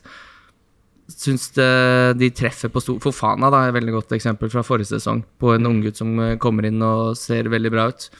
Pereira har også dessverre vært litt for mye skada. Men er tenk, eh, Justin, Kastan altså- som kom inn der. Ja, og Justin er dessverre skada, men han var også svingod før han ble skada. Ja, og Tilmans, uh, Ndidi det, det er bare Madison. utrolig, utrolig bra drift, det de holder på med i Leicester. Det som, det som er greia med, med Fofana, er altså Leicester har ålreite forsvarstall. Det er Jeg ville kanskje heller hatt, uh, hatt liksom eh, Ben White fra Arsenal, men ting med Fofana at han virkelig null involvert i, i angrep. Så Ja, det det, er ene- liksom det bare Det Det ene bare målet var bare klabb og vabb. Han Ja, han fikk kanskje et mål, han fikk ett ja, mål, men det var bare hurulum meg. Han er, han er veldig lite involvert uh, der framme. Ja. uh, men White er jo safere, så får vi se hvem som er best av de defensivt av uh, Arsenal og Leicester. Eh, Chelsea er eh, som i fjor Altså, Chelsea før og etter Tukkel, eh, de tallene er eh, den største transformasjonen i tall jeg noensinne har sett, så lenge jeg har holdt på med dette her. Ja, det er ganske vilt. Det er, altså, det er helt utrolig. Men de scora mer under Lampard enn under Tukkel. Men ja, men de begynte å score mye mer på slutten. Eh, de scora jo lite i starten under Tukkel, men slapp jo ikke inn Mm. noe som helst. Og så ble det mer mål når Havertz og Werner litt kanskje skjønte rollene sine mer. Havertz hadde jo en god avslutning på sesongen. Mason Mount var jo uten tvil den beste spilleren til Chelsea. Eh, hadde en fantastisk sesong. Um, Og behagelig spiller for oss som spiller fancy, for han spiller jo mest på det Chelsea-laget. Ja. Hva tenker du her, eh, Sigurd? Den spilleren jeg har inne nå, er Kai Havertz. Det er min, egen, min, min lille diff denne sesongen. Det, det støtter jeg. Jeg syns av de til å, til å begynne sesongen med nå, så er det av angrepsspillere så er det ba, egentlig bare Havertz jeg, jeg ville sett på. Eh, Timo Werner kan, kan bli kjempebra. Han har et veldig høyt tak og, og, og så videre, men Havertz er den mest interessante. Og det vil du ikke se hvis du ser på sånn sesongstats og sånn, så er det ikke så særlig bra. Men han, hadde, han var veldig dårlig til å begynne med. Eh, altså, du, du så det på ham, så Ja, ja. så usikker ut. Han, og han bomma jo på enkle pasninger. han så redd ut. Han så redd ut. Ja, Ja. ja. Og, så, og så hadde han jo covid, og så hadde han ettervirkninger av det som eh, gjorde at han ikke, ikke var noe særlig god ganske lenge. Men så mot slutten av sesongen så begynte han å bli eh, skikkelig god. Og ikke bare i, i Premier League, men også i Champions League eh, for, eh, for Chelsea. Han har altså Han har en av de beste sånn eh, underliggende tallratene. I den gode perioden, ja. I den, I den gode perioden, Ja. ja. Eh, eh, så andre halvdel av sesongen så, så begynte han å være mye mer involvert, og du, du kunne også se det hvis du så på kampene. Du så at han, eh, du så at han var sharp og var, var inne i boksen. Og, ja. Og så er det jo det, han er jo out of position, sånn som folk tror Chelsea skal starte sesongen. At han starter som spiss. Ikke eh, faen om for Tammy. Abraham starter der. Han, han skal til Så jeg har eh, Havertz. Jeg har Havertz inne hos, eh, inne hos meg, og det, Men det er premisset, da. At de ikke signerer en, en ny spiss, Ja. tenker jeg. Ja. Sånn, uh, hvis de gjør det, så er, må du bare vente og se hva de Ja, vil ha. enig. Men så, sånn som det står nå, så er Havertz inne. Han er den ene jeg tillater meg å diffe litt med på midtbanen. Uh, jeg tror Chilwell kommer til å ha en helt utrolig sesong eh, den sesongen. Jeg finner det ikke i meg i å starte når de har eh, Arsenal og Liverpool i runde to og tre, og så er Tottenham i runde fem, City i runde seks. Crystal Palace og Aston Villa hjemme inneklemt mellom de, men eh, jeg tillater meg selv å vente og se til en seks millioners forsvarsspiller der, men på sikt så tror jeg Chilwell eh, har vel Altså, det er, det er Trent er eh, elitenivå. Chilwell er høyt oppe, han også, Sigurd. Chill, ja, Chilwell er veldig høyt oppe. Ja. Uh, han, han er uh, midt mellom Digne og Robertson på lista mi her, over, over offensive tall. Uh, eller altså sånne ratetall, da, per Ja. 90. Ja.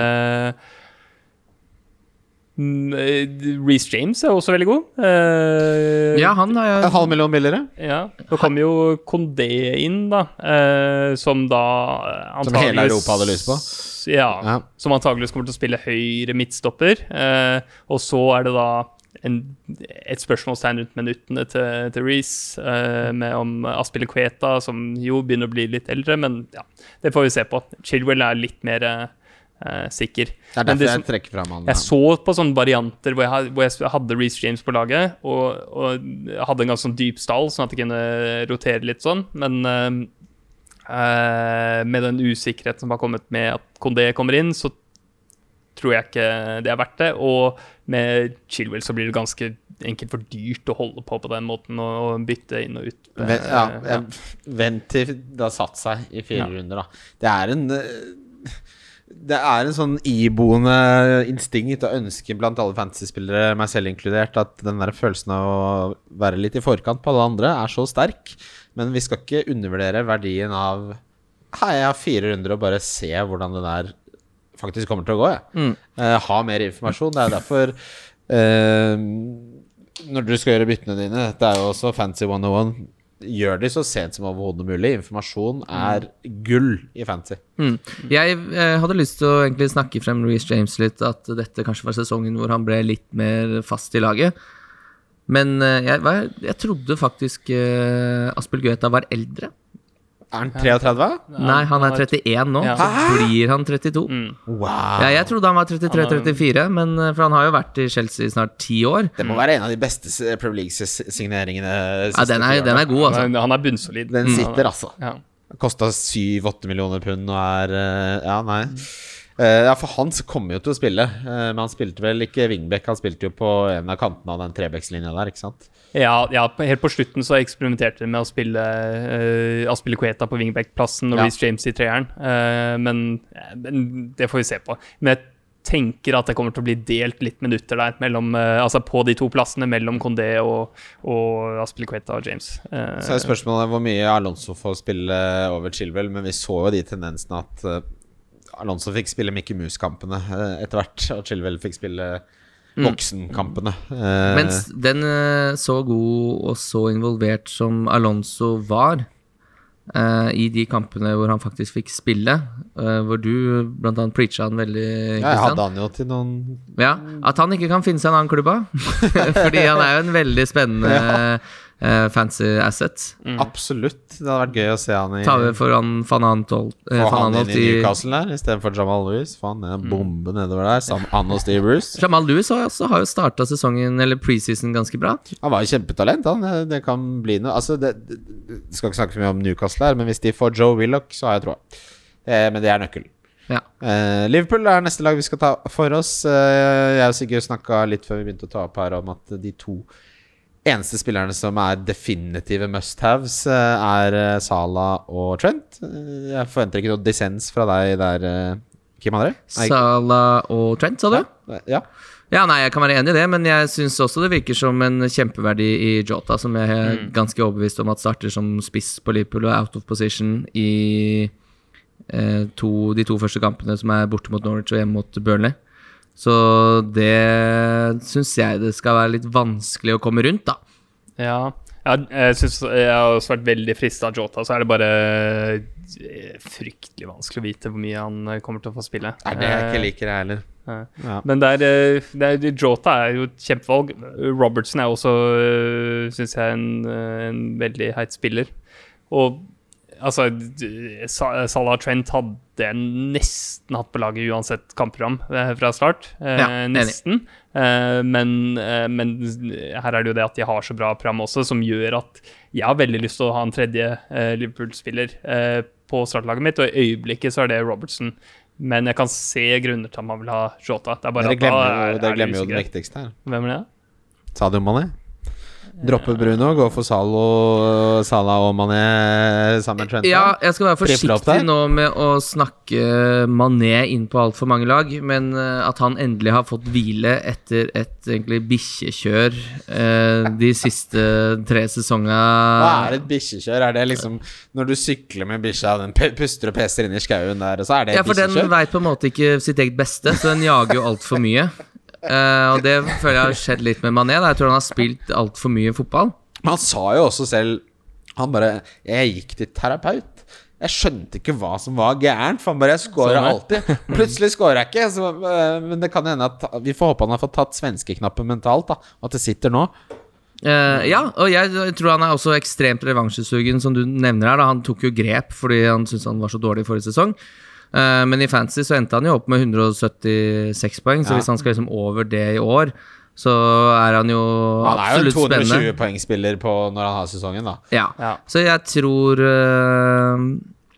øh, jeg, jeg tror han kommer til å ha en fin sesong, men å drive og snakke han inn på lag nå når han koster så mye som 12, det er på en måte galskap Ja, ja, det er det som er litt kjipt, at han koster 12. Du Ja. kunne godt ha prisa ham litt lavere. Ja, men eh, Koster en million for mye. Og så er det jo det at Jota skal jo ikke bare bytte med Firmino. Han spiller jo av og til inn på uh, Mané sine minutter. Mm. Jeg vet ikke, Origi er vel borten, ut av bildet, men eh, ja. Men altså med, Men så nå, Da har de fått mange gode spillere tilbake. De har kjøpt Konaté, som mest sannsynlig kanskje starter i starten. Uh, Van Dijk er selvfølgelig tilbake. Uh, koster 6,5, som ikke Altså, han har en return uh, i form av clean sheet, mål eller assist sånn over halvparten av kampene. Så hvis du måler i antall returns, så er Van Dijk ekstremt høyt oppe.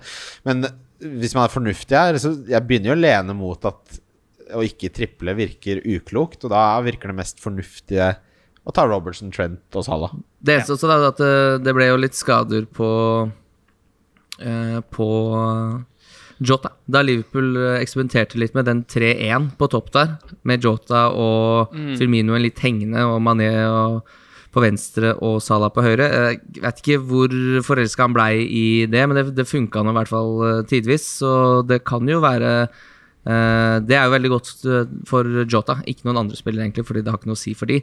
Men eh, dersom det skal prøves ut litt i enkelte kamper, så er jo det også noe å ta med seg. Bare lynkjapt så tror jeg stoppeparet til Liverpool i første kamp blir Matip og Konaté. Ja. Ja. Uh, Van Dijk går ikke rett inn der, nei. Og så skal vi da snakke om Manchester United. For en uh, overgangssommer det har vært. Ja, den er helt ekstrem. Sancho Varane, 28 år gammel Varane inn, som har kanskje fem, fem gode år foran seg, da. Ja, og og hvis vi har vært litt negative til Solskjær, så kanskje vi skal gi han litt kreditt for, for det her. Da. Vet Du vet, mye... som, du vet hvem som forhandla de dealene?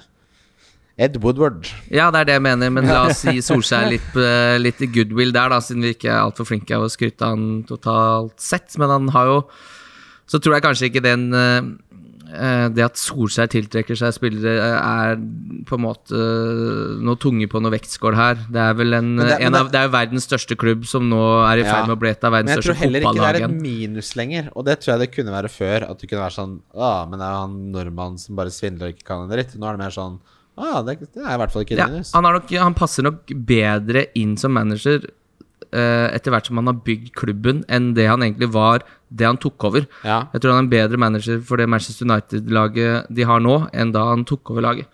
Men han har jo bygget altså, han har, Det står respekt av det de har bygget. Det er masse spennende spillere å snakke om her. Vi må jo Vi, snakke om vi snakka også ganske mye eh, under lytterspørsmålene, Ja, men eh, ja. ja, absolutt. Eh, Bruno har vi jo snakka om med, med diffing. Shaw har vi snakka om at hvis han blir klar, så er han åpenbar. Henderson er eh, det, Han er førstekeeper, så vidt alt jeg har lest, så er det han som er førstevalget nå.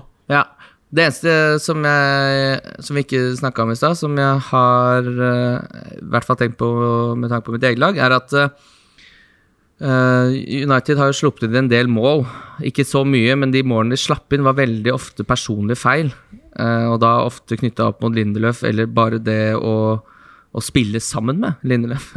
Eh, og det at de får inn kanskje topp tre beste stopperne i verden inn der, kommer til å tror det kommer til å luke bort veldig mye rusk som fortsatt eksisterte bak i Manchester United. Så eh, dobbel eh, United eh, det har jeg litt eh, troa på. Og den etter det EM-et her også, hvor du ser alt av dødball, hvordan det bare suges mot hodet til Harry Maguire inni den boksen. Han må begynne å sette de òg, da. Han, Ja, ja, det er klart han må har begynne å 50 sette de, men han- han. Og han gjorde jo tidvis det ganske bra i Leicester, eh, så han var jo en, eh, en spiller i hvert fall jeg hadde en del på laget da han spilte der. Mm. Men uh, Shaw og Maguire syns jeg virker som en litt sånn spennende dobbel på sikt, da, som er nesten litt sånn set and forget gjennom en hel sesong. Ja, den dagen jeg har Maguire inne i laget, da kan jeg bare slutte.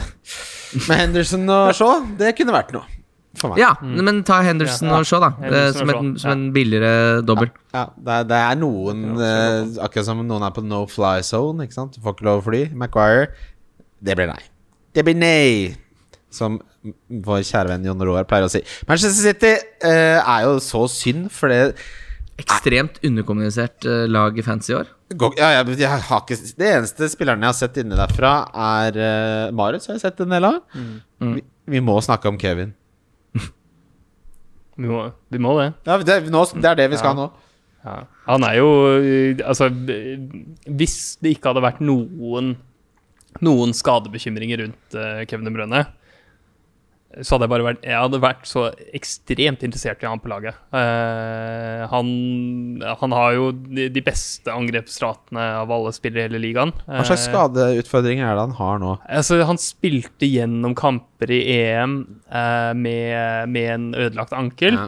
eh, hvor han sa at det var et mirakel at eh, det medisinske teamet fikk han til å komme gjennom kampene uten vondt.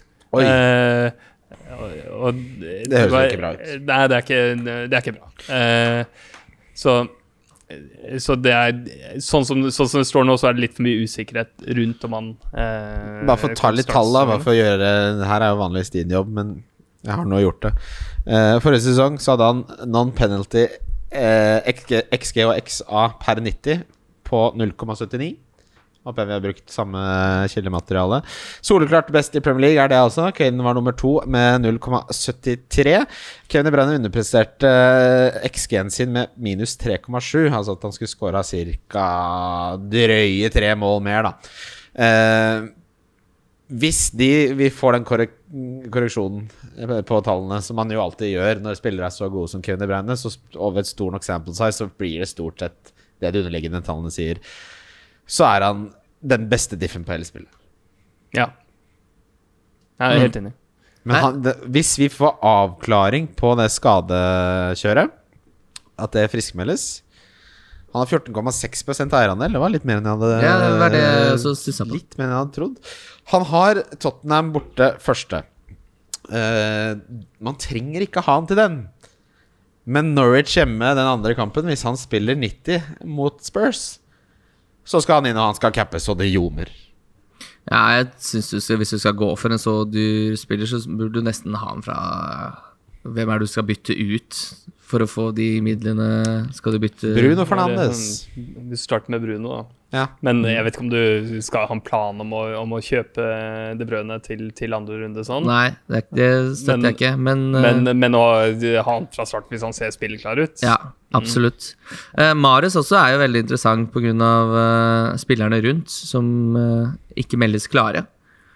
Ja, han ser jo ut som han er, altså I preseason nå så er det jo han som er eh, Du vet når du ser sånne barnehage eh, ute på tokt på T-banen og sånn, så er det en sånn streng barnehagemamma som leder andeflokken.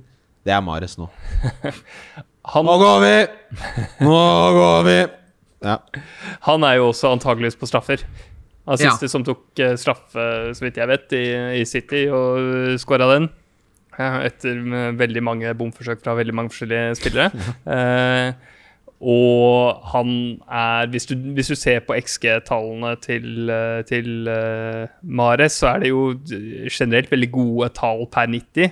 Han har 0,53 X- eh, non-penalty eh, expected goals pluss eh, expected assist per 90. Eh, men han er sånn som Son, som eh, ganske konsistent over mange sesonger bare overpresterer i en betydelig grad. Mm. så han er en av de beste avslutterne i, i ligaen. I forsvaret, eh, folkens, er, vi har fått spørsmål om annet For er det ingen som ser på Diaz og Cancelo? Um, det er for mye usikkerhet, det er for dyrt. Jeg vet ikke, Det er pepperulett, det er masse annet som er tryggere. Og jeg skal nok gjerne ha Cancelo inne på et tidspunkt i sesongen. Men de altså er trygge, eller spilte 2843 minutter i fjor. Med seks mil, da. Jo, jo, det Da skal jeg ha litt offensiv oppside, ass. Ett mål og én assist. Jeg, jeg, syns, jeg syns Diaz er bra. Og Mm. Jeg syns ikke han er verste å begynne sesongen med, men det er en veldig sånn langsiktig plan, for det er ikke noe bra kampprogram de har til å eh, Jo, starte de sesongen med. starter ganske bra. Ja. de det? Nei, det gjør det ikke. Tottenham borte, Norwich hjemme er bra. Så er det Arsenal, Leicester, Southampton, Chelsea, Liverpool. Det er terningkast tre kampprogram. Ja, det er litt, var litt mer guffent enn jeg trodde, ja. Jeg er enig i det. Men, det, men det eh, blir jo bra. Altså Når det er dårlig på det, så må det jo bli bra på et eller annet tidspunkt. Og de har en periode fra slutten av november fram til Tja, skal vi si romjula, hvor det er uh, veldig bra. Men det er liksom jeg, Å sitte og pensle inn Diaz i 27. november, da kjenner jeg at da drar jeg heller hjem og ser The Office på nytt, ass. Eh, Skal vi ta litt flere lyttespørsmål, eh, kjære gutter? Ja, kjør du.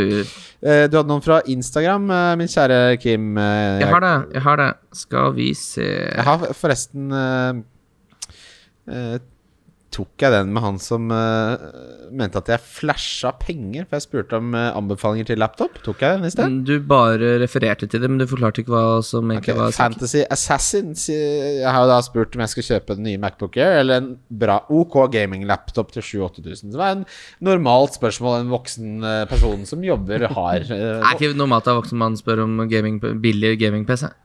Jo, det er Alle vet hvor mange som gamer i verden, eller? Ikke så mange voksne menn. Alle voksne menn gamer litt. Ja, du har- gamer jo du òg. Spiller jo Fifa hele tiden. Du er den største gameren på hele Jeg har ikke spilt Fifa på et halvt år. Jeg har aldri vært lykkelig. Nei, du spiller de der kortspilla. Du spiller jo Fifa-kabal, du. Spiller ikke kampen, du skal samle inn de der korta. Ja, altså, ja, gameplay er for dårlig, så da blir man sittende med de korta. Det er helt riktig. Men eh, og så sier han Har Bobo fått lønn? Vil dere kjøpt en Lamborghini Reventon Roaster eller en vanlig sportsbil i 7-12 millionersklassen? Du, det er jo helt normal ting å skulle kjøpe seg en laptop. Da skjønner jeg ingenting. Det er også ganske normal ting å spørre om anbefaling på. på. Er det jo flash? Ja, men jeg tror du ikke han bare prøver å kødde litt med det? Prøve en drittsekk? Prøv- Nei, prøve å skape litt god stemning. Ja, nei, du, jeg har ikke noe mer å si til deg. Jeg blokker deg. Greit, det. Det ble en Macbook Air M1 til 11 500 forresten, hvis det er å flashe. Godt valg. God maskin. Ja, eh, Kim? Ja. Eh, Runar Bønes, eh, pølsemakeren eh, Åh. Over alle det er ikke- pølsemakere? Det er ikke litt av noen pølser han lager heller. Det er NM-gullspølser. Ja, eh, de er jo da viden kjent for sin uh, pinnekjøttvariant. Må vi jo nevne at de var med oss til Manchester også. og de var med oss til Manchester. Helt Prima. Fantastiske folk. folk. og han har sendt inn et lyttespørsmål som er Trenger forslag til en ny type pølse. Skal lage pølse, festivalpølse. Hva kan være bra? Noe som ikke er prøvd ut, eller kjøre safe? Tacopølse? spørsmålstegn Med ost, uten ost. Currywurst, bratwurst. Oh. Kjør debatt. Jeg må innrømme at uh, for meg så er sånn jalapeño-pølse med ost den absolutt beste pølsa jeg får. Uh, Tacopølse høres ut som det kommer til å ha altfor mye spisskummin. Kommer til å føles som du spiser en pakke Old El Paso som er blitt laget i fallosform. Nei takk. Uh, jalapeño-pølse med, med ost, svarer jeg. Og hold dere unna det chorizo-greiene. Det blir for mye smak. Jeg, bare, jeg hadde en fryktelig pølseopplevelse her i sommer. Var på fisketur med min far. Eh, og er gjeddefiska di? Nei, driver ikke med gjeddefiske. Jeg syns ikke det er noe særlig til fisk. Men eh, så kjøpte vi sånn eh, en pakke med Gilde eh, ostegrill. Og en som var ostegrill med bacon. Men det er ikke bacon rundt, det er bacon inni. Æsj. Det var altså så vondt. Ja, det er så jævlig. Ja, det var helt grusomt. Det, var, det, er, det, er, nesten, det er nesten barnslig å ikke klare å spise opp en pølse, fordi det er jo tullemat i utgangspunktet, og det klarer du å spise. Ja, det skal Men der, der måtte jeg bare snu meg litt rundt og bare Kimme? Var det et vak? Og Ja. så bare kaste den Jeg har, pølsa. gjort, jeg har gjort det samme feilen med sånne frossenburgere. Så kjøper du jo vanlig hamburger. Her var det baconburger. Ikke så enormt. Det var i liksom den der eh, industri. Smakte jo høgg. Bacon har du oppå Jeg hadde burgeren. forstått det hugg Er det at det liksom smaker hoggorm? Huggorm? Er det, hvor kommer det hugg fra? Jeg Det er jeg ikke helt sikker på. Høgg er ikke positivt, i hvert fall. Nei, det, det, det, vet ikke- det er jeg. ikke bra. Men jeg skjønner ikke utgangspunktet, for hugg er jo ingenting. Er det sånn som borti hugget der? Kan du ha noe Ja, det smaker Ah, komme deg borti hugget? Det er liksom et dårlig Ja, sted. Da. Kanskje det er der Hufsa bor? Nei, det syns jeg ikke. Det er sånn nei, eh, ja, jo jeg, har, jeg har jo en Kiwi rett borti hugget. Det syns jeg er positivt. Nå, nå har jeg googla her, og dere kan jo gjette to ganger uh, hvor jeg fant svaret. Det er kvinneguiden.no, det, ja. Ja, for det er del i Freakforum som regel. Eh, det, det kan lukte hugg, smake hugg, og uh, det kommer fra uttrykket 'smaker som sjøldaua høggorm'. Ja, det er det hoggorm, da. Det er huggorm. Det her er det Ja. beste jeg har sett i hele mitt liv. Ja, okay. Sjøldaua huggorm. er Altså ikke drept, men en som har dødd av naturlige årsaker. Eller, eller som tok rett og slett krakk og taubutikken på seg selv som en hoggorm. Tror du de kan ta halen og henge seg? Ja, det hadde i så fall vært en fantastisk skue. Fått nok. Orker jeg ikke mer. Bare ta Få den halen. Ta så surr det til. Knytte knytte på seg sjæl. Og da, når folk går forbi to uker etterpå Fy faen, her lukter det sjøldaua høgorm. Der har vi et uttrykk. ja. Instagram. Instagram? Ja, Ja, ja. ja, ja. ja, ja, ja. Jeg Kan, jeg- kan jeg bare eh, jeg- Det var ikke meningen å snakke om å henge seg, egentlig. Nei. Hvis noen uh, syns det var for drøyt, så var det sikkert det. Jeg så det var mange spørsmål om, eh, om eh, ølanbefalinger her, og det triste oh. faktum at uh, Ringnes økologisk infiltrert er borte. er borte. Og jeg nevner Det at sånn psykisk helse er ikke til å tulle med. Så ring om hjelp her. hvis du har det vondt. Felix spør på apropos det på Instagram mangoipa, den beste ølen. Nå sitter vi og nyter en bedre mangoipa hver hos her. Ja, men den er jo ikke noe god. det, det, det har den aldri vært. Det er jo bare, et- det er, det er jo bare Men jeg syns ikke den smaker mango. Ikke smaker mango, mango ikke smaker IPA. Nei. Smaker Jo, Sånn IPA synes jeg absolutt eh, gjør. Jeg syns, jeg, jeg syns det er helt, helt ok, men litt sånn litt syntetisk frukt og ja, Ja, for det er ikke noe mango oppi her. Det kan jeg bare love Nei, men det, det jeg liker med den, som er ofte problemet mitt med annen IPA, er at den er ikke så tung. Ja, men en, Mango blir jo fryktelig- IPA nei. skal jo ha masse humle og helst ha 8% alkohol. Og en IPA skal jo være litt sånn Men hva er. Ja. hva er den eh, beste ølen, da? Eh, den beste ølen er den derre Big Kahuna Golden Ale. Den derre Hawaii-ølen som er, du får på ball, blant annet. Som smaker som de har juksa. Smaker så godt. Den har sånn blå etikett, ser den på Meny og sånne ting. Koster 50 kroner for 0,33, da. Så det er kanskje å flashe penger, det. Din jævla drittsekk. Jeg syns, eh, jeg syns det folk eh, bør eh, ta seg råd til å prøve, er å kjøpe en god eh, sesong fra polet. Ja, Oh, ja. Det er så mange gode sesonger, og det er noe de aller fleste kan like. For det er, sånn, det er ikke så altfor ulik stil som en Hva gjør, Pils, hva gjør en litt- sesong til en sesong? Jo, det skal jeg si deg. Det Ja. Navnet kommer fra eh, navnet for sesongarbeidere i, i Belgia. Saisonneurs. Som Dette var sånn øl de brygget under innhøsting, eh, som skulle være leskende. Så det som Altså, eh, sesong eh, Det varierer litt mye humle som er i dem. Typisk så er det omtrent like humlepreget som en, som en pilsner vil være. Ja. Eh, men de bruker en egen gjær. Til sesongen, som av og til eh, Jeg vet ikke om det er variasjoner i jern eller hvordan de gjærer den, men at det kan bli litt syrlige. Eh, typisk ikke så veldig. Eh, og så får du, får du typisk altså, litt kornpreg fra, fra den lyse malten de har brukt. Eh, Jeg kan like Så- litt syrlig øl. Jeg kjøper så- meg av og til én surøl. ja. Bare for å friske opp paletten litt. litt. Mm. Det er godt. Litt et saison som er litt sånn leskende. Sesongarbeider. Belgia. Her krysser vi av mange punkter på lista. Okay? Men, så det, det fortsatt folk prøver å kjøpe på polet, er enten Dupont-sesong eller eh, Glasentårn. Dupont-sesong er de to uh, tvillingene i Tintin? Er det dette? Dupont-Dupont? du? Jeg vet da faen, jeg! Har du ikke sett Tintin? Jo. Tintin er spennende. Men ja, nei, det er gode, det er gode anbefalinger. Og Glasentårn og Tank 7 fra Boulevard. Det er helt uh, top notch uh, sesong. Det, Ja. det, det syns jeg folk skal unne seg å prøve. Jeg er blitt en sidemann. Jeg, liksom. Kjøper uh, Sparkling Rosé kjøper jeg på boks. Så kjøper jeg, så kjøper jeg light eplesider fra Sommersby. Ja, ja. Det går, det går, det Er er, det er Summer of Bobo, det. Jeg har ikke tid til all den ølen. Det er så mye leskende greier som skal ned i brødhølet at jeg har jo ikke tid. Uh, en perlende rosé syns jeg heller ikke er så dumt. Og Are Sandvik her spør hvordan finner jeg tilbake gleden med fantasy. Kjære An Are W. Sandvik, han har vært uh, gjest. Og sønn av Viggo Sandvik, eh, vokalisten i Vazelina Og gift med Maria, som også er en veldig fin person. Uansett. Hvordan man finner tilbake glede Det er et sånt spørsmål sånn da, Kim har jo vært muggen nå i et år ikke sant, på Fantasy. Men nå merker jeg at han har fått gleden tilbake, så kanskje du er rett mann til å, til å svare. For min del så merker jeg at jeg gleder meg mer og mer for hver dag som går. Jeg, jeg syns nå har det vært en god nok pause. Og det er nok nye spillere til at det er spennende. Det Kampene kommer til å ikke være sånn 1-halv-2, 1-4 sånn, Det syns jeg ødela alt med fotballen. Nå kommer det til å være 4-4-kamper og sånne ting. Nå, alle de ting, småtingene som gjør det ekstra gøy, er, er på plass. Og da, da, det er det som ga meg gleden. Are. Jeg håper du finner det som gir deg glede også. Kim. Ja, altså synes jeg For min egen del så hjelper det, hjalp det litt å spille litt mer med hjertet enn bare stats. Fordi da får man de små seierne som man bare lærer seg å sette pris på. Men å sitte og bare spille sånn Big Man Bakar eh, FPL, det gjorde meg nesten uh, Ja, trist. Og ikke gikk det bra heller. Eh, nei, men eh, var det ikke gleden med fancy han skulle Ja, ja, tilbake klarer til? du å spille Hvis du spiller sånn som Big Man Bakar, så, og sånn som jeg og Sigurd spiller, så gjør du det jo bra. Du spilte sånn og gjorde det dårlig. Jeg syns uh... Nei, men det er, det, det er det jeg sa. Det året jeg havna 11 000, så syns jeg fancy var dritkjedelig. Uh, og i fjor også spilte jeg jo litt jeg, Det var gøyere i fjor, Det havna 900 000 enn det året jeg ble 11 000. Det syns jeg var liksom Det ble for eh, tørt. Og jeg har ikke noe mål om å liksom vinne hele fantasy, for det kommer jeg ikke til å gjøre uansett. Så litt mer sånn Trossard eh, fra start i år, eh, kontra kanskje spillere med bedre stats. jeg, jeg anbefaler å, å legge det bort, eller skru av TV-en, hvis det går dårlig.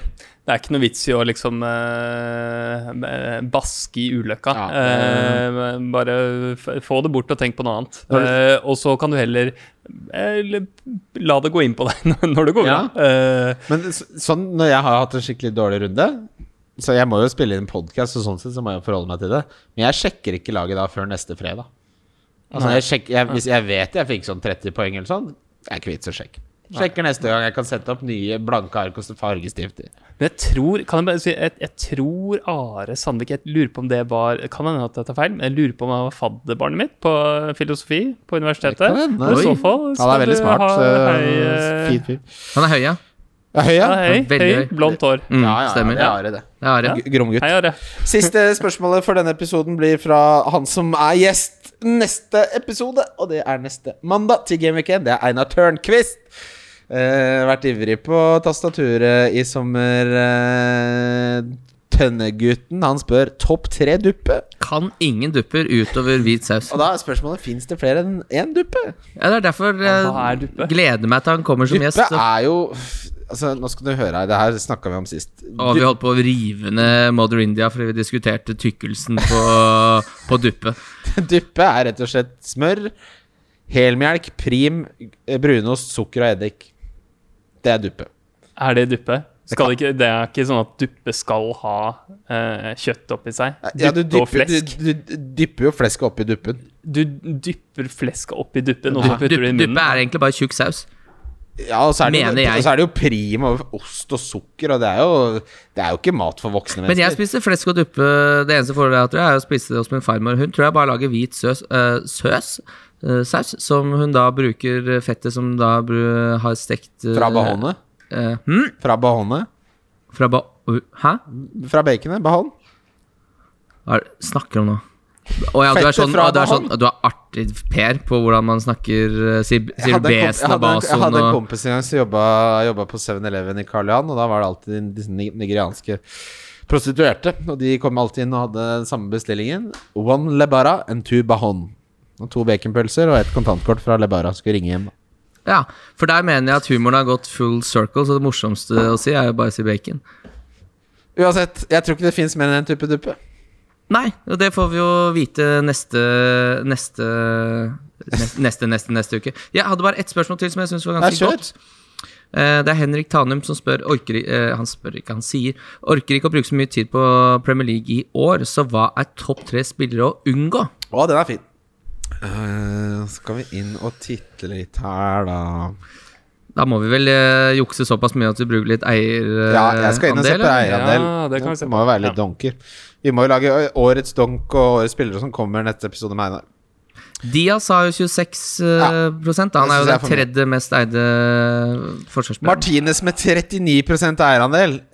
Nei. Det skal Hvorfor du ikke? ta. Du bruker ikke 5,5 på keeper. Det er for mye. Det er fem som er taket. Ja, ja, ja, Det er for mye, og han har overprestert. Også, ja, overprestert ekstremt. Er, altså, Jesus kommer tilbake til jorda den dagen han får så mange poeng igjen.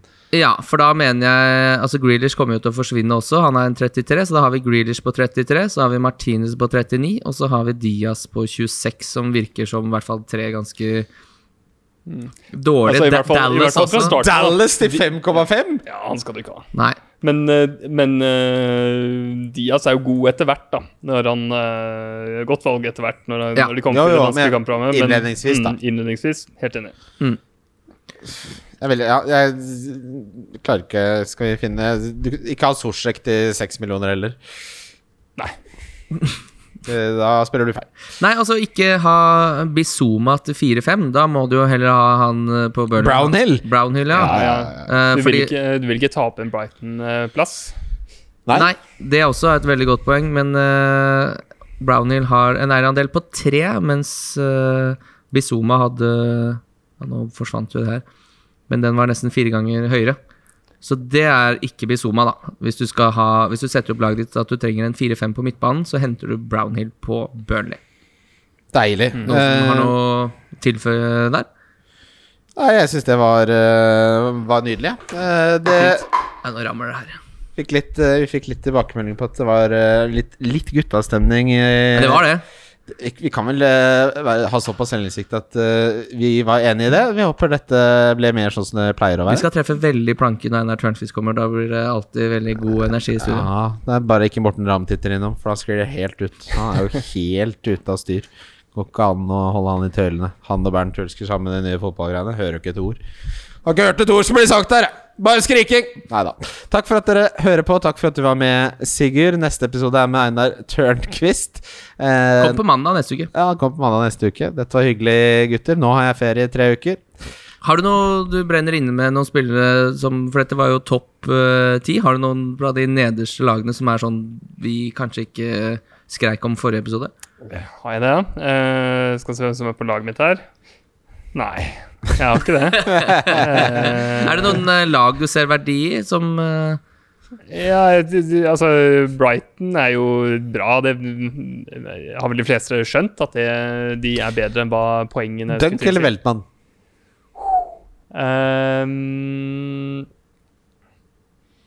det er sånn at det kan du avgjøre ut fra hvem andre du har på laget. Ja. At det er, en, det er en fornuftig måte å bruke 0,5, og det kommer litt an på hvor ofte du har tenkt å, å spille. Ja, eh, han- han blir permastart for meg, da, eksempel. Ja, da hadde jeg eh, Da syns jeg de 0,5 kommer godt med. For Dunk er eh, tar frispark av og til, og er Ekstremt på, målfarlig. Ja. ja, god på bonus, og han er eh, ja, ja, veldig bra. god på alt. Veldig bra. Takk for nå, gutter. Ses om en uke.